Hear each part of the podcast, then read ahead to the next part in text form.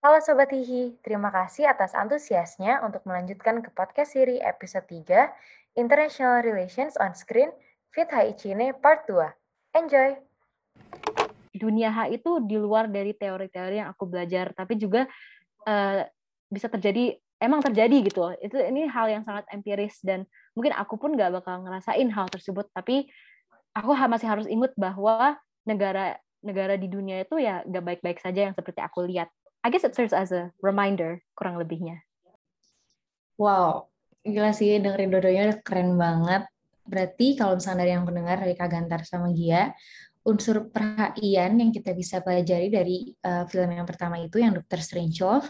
Kalau yang ketangkep tadi uh, itu bahas tentang antara Amerika sama Rusia, terus kayak ada diplomat uh, paranoid behavioral, terus mungkin juga kayaknya filmnya tentang stereotypes, mungkin tentang kayak powers gitu kan between states. Terus Gia di film yang kedua tadi yang Schindler's List, kalau aku nggak salah pronounce, itu bahas tentang uh, sejarah. Pasti anak HI itu udah penting banget soal sejarah, itu esensial banget. Terus gimana tentang privilege di wartime, terus kayak human security, terus kayak aku uh, inget banget yang tadi Gia bilang di endingnya itu ada tentang ada ditunjukin dari victimsnya itu keren banget sih dan uh, dia juga nyampein kayak dunia kita tuh super huge dan complicated kalau nggak salah jadinya there are so much more yang kita bisa pelajarin. Semoga itu benar ya rangkumanku. Nah, berangkat dari situ, aku mau tanya sama Kak Gantar sama Gia juga, kira-kira gimana kita bisa mengimplementasikan unsur-unsur sama uh, values HI dari film-film itu di kehidupan kita sehari-hari. Siapa yang mau ngomong bebas? Ayo lo gimana Kak Gantar? Kak Gantar dulu deh. Aku kebanyakan ngomong. Gak apa-apa Gia dulu aja, gak salah. Oke. Okay. Aduh. Oke. Oke, okay, mungkin aku bisa mulai sedikit dari yang kayak human security, human security tadi. Uh, mungkin aku udah kayak hint at it a little bit, tapi aku percaya bahwa kita dengan belajarnya sejarah itu ya kita mendapatkan the capability untuk tidak melakukannya itu lagi. Dan again, as I said, dengan film ini menjadi salah satu pengingat atau reminder uh, tentang apa yang terjadi pada waktu tersebut. Ya obviously kita sebagai pelajar HI bahkan kita sebagai kayak uh, citizens gitu ya citizens di negara di apa ya keadaan negara-negara internasional yang emang sekarang lagi sangat tumultuous gitu. Apalagi with Ukraine and Russia gitu-gitu. Ya we have to try sebisa apa pun uh, kita bisa ya supaya history doesn't repeat itself gitu ya I guess that's a little bit uh, idealistik juga buat aku dari aku diri sendiri. Tapi dari surface levelnya buat Schindler's List itu yang aku ambil itu sih kayak ini film emang didatengin buat sangat-sangat amat hits you in the heart gitu teman-teman. So you realize how important it is untuk belajar sejarah maupun itu dari baca buku ataupun dari nonton-nonton film yang menurut aku lebih accessible. Kalau Kak Gantar gimana nih Kak? Ah, mungkin aku boleh nambahin juga ya. Um, sebenarnya kalau dari Dr. Strangelove itu kan emang kayak bahasannya itu out of reach dan juga apa ya istilahnya memang kental banget lagi ya urusan HI-nya. Dan kalau misalnya kita bisa lihat implementasinya sebenarnya kita bisa gitu teman-teman. Karena melalui film tuh kayaknya lebih gampang gitu kita bisa mempelajari orang-orang karena ya kita kan satu-satunya juga um, sama-sama manusia gitu ya. Jadi kayak kita bisa tahu gitu behavior um, orang-orang bahkan kayak um, orang sekaliber pejabat ataupun presiden sekalipun tuh ya punya kekonyolan dan juga um, kadang tuh indecisif gitu kalau misalnya diberikan tanggung jawab yang sebegitu besarnya gitu.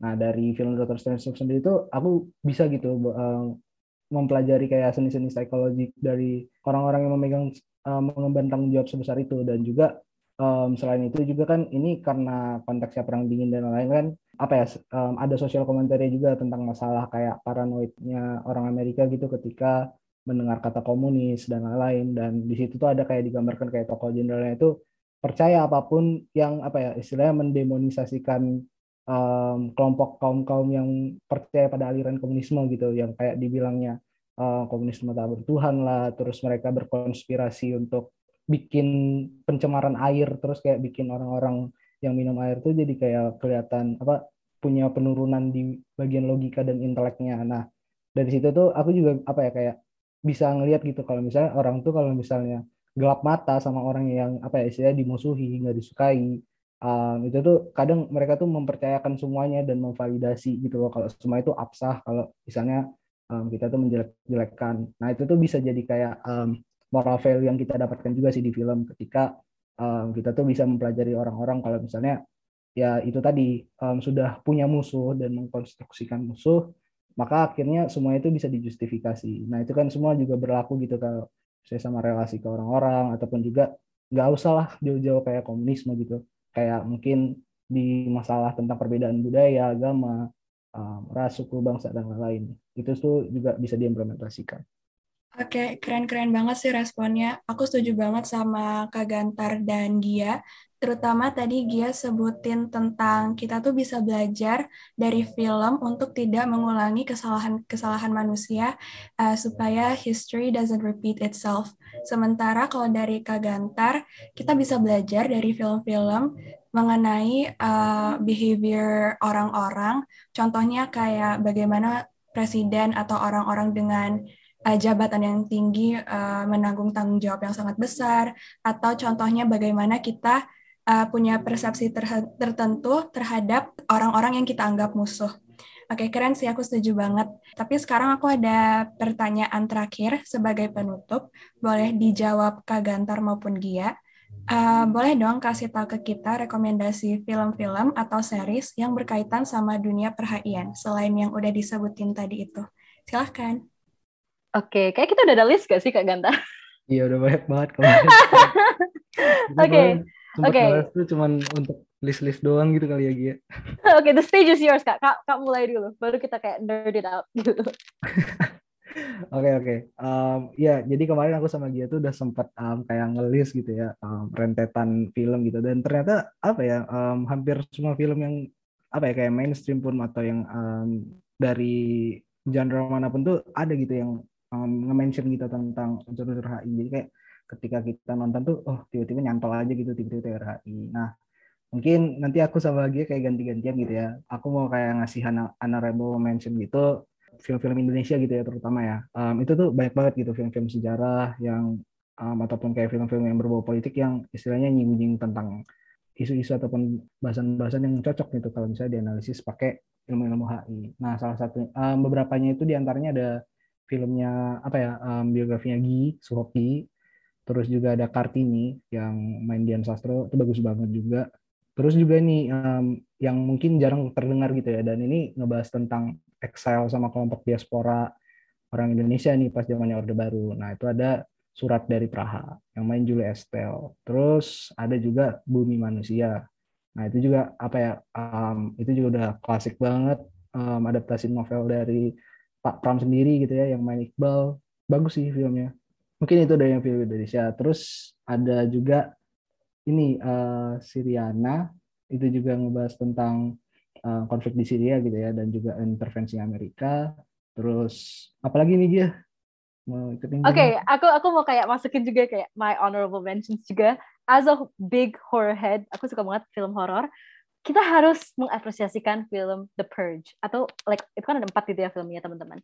Dan menurut aku unsur politik The Purge itu dapat banget apalagi dalam HI dengan mereka masalah film terakhirnya itu kan mereka fokus sedikit tentang kayak negara-negara global south yang dieksploitasi oleh negara-negara global north kayak Amerika, UK gitu-gitu untuk menjadi uh, ya kambing percobaan mereka gitu loh untuk purge purge ini sendiri. Dan maupun itu cukup ekstrim menurut aku bisa di uh, refleksikan di uh, multilateral society kita sekarang.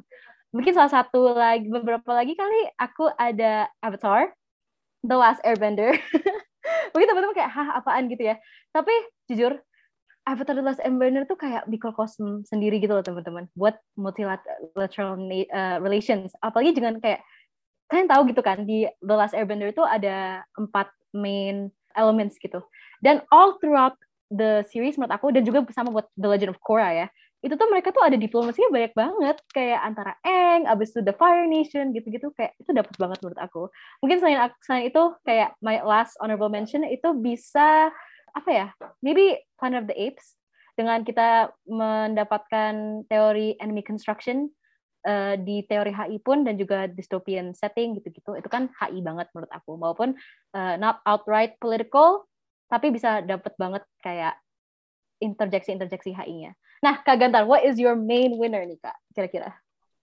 udah jelas sih um, ini tuh yang udah paling legend terus um, ini tuh film sci-fi semua orang tahu dan rupanya ini jelas-jelas banget gitu loh filmnya itu HI banget gitu sebenarnya ada dua tapi ada yang kayak satu udah pasti tahu lah gitu nggak usah di nggak usah disebutin namanya udah tahu gitu like Saber Death Star Darth Vader dan dan dan ya yang pasti itu Star Wars. Ya itu itu udah jelas banget ya Rebel versus Empire gitu kan. Nah, itu udah kelihatan banget gitu um, relasi kuasa dan juga uh, penindasan dan lain terus yang kedua juga ada um, mungkin yang terakhir sci-fi juga Dune ya yang juga baru-baru ini dikeluarin gitu. Itu sangat syarat dengan apa ya masalah politik dan juga um, hubungan intergalaksi gitu ya bukan internasional doang. Jadi kayak udah melebihi beyond HI gitu intergalaksi itu sih mungkin dari kami. Sorry ya jadi kayak banyak banget gitu rekomendasi film. Ya maaf banget ya. Buat listeners juga. Nggak apa-apa banget justru ini kan kayaknya tuh menggambarkan HI Cina banget nggak sih? Kayak banyak banget rekomendasinya dan jujur nggak sabar banget liburan karena aku bakal nontonin satu-satu. Ini fix banget. Thank you so much buat Kak Gantar sama Gia atas segala rekomendasinya dan back soundnya Gia. Semuanya seru banget uh, dan aku yakin ini pasti menarik dan insightful banget juga buat teman-teman yang lagi dengerin. Nah, buat teman-teman semua, segini dulu ya episode podcast seri kali ini. Terima kasih banyak lagi buat Kak Gantar dan Gia atas waktunya dan mau menyempat, menyempatkan hadir di sini untuk sharing seputar perhatian di layar lebar. Terima kasih Gia dan Kak Gantar. Teman-teman semua jangan lupa untuk follow podcast ini dan ikutin terus episode-episode series selanjutnya. Dadah!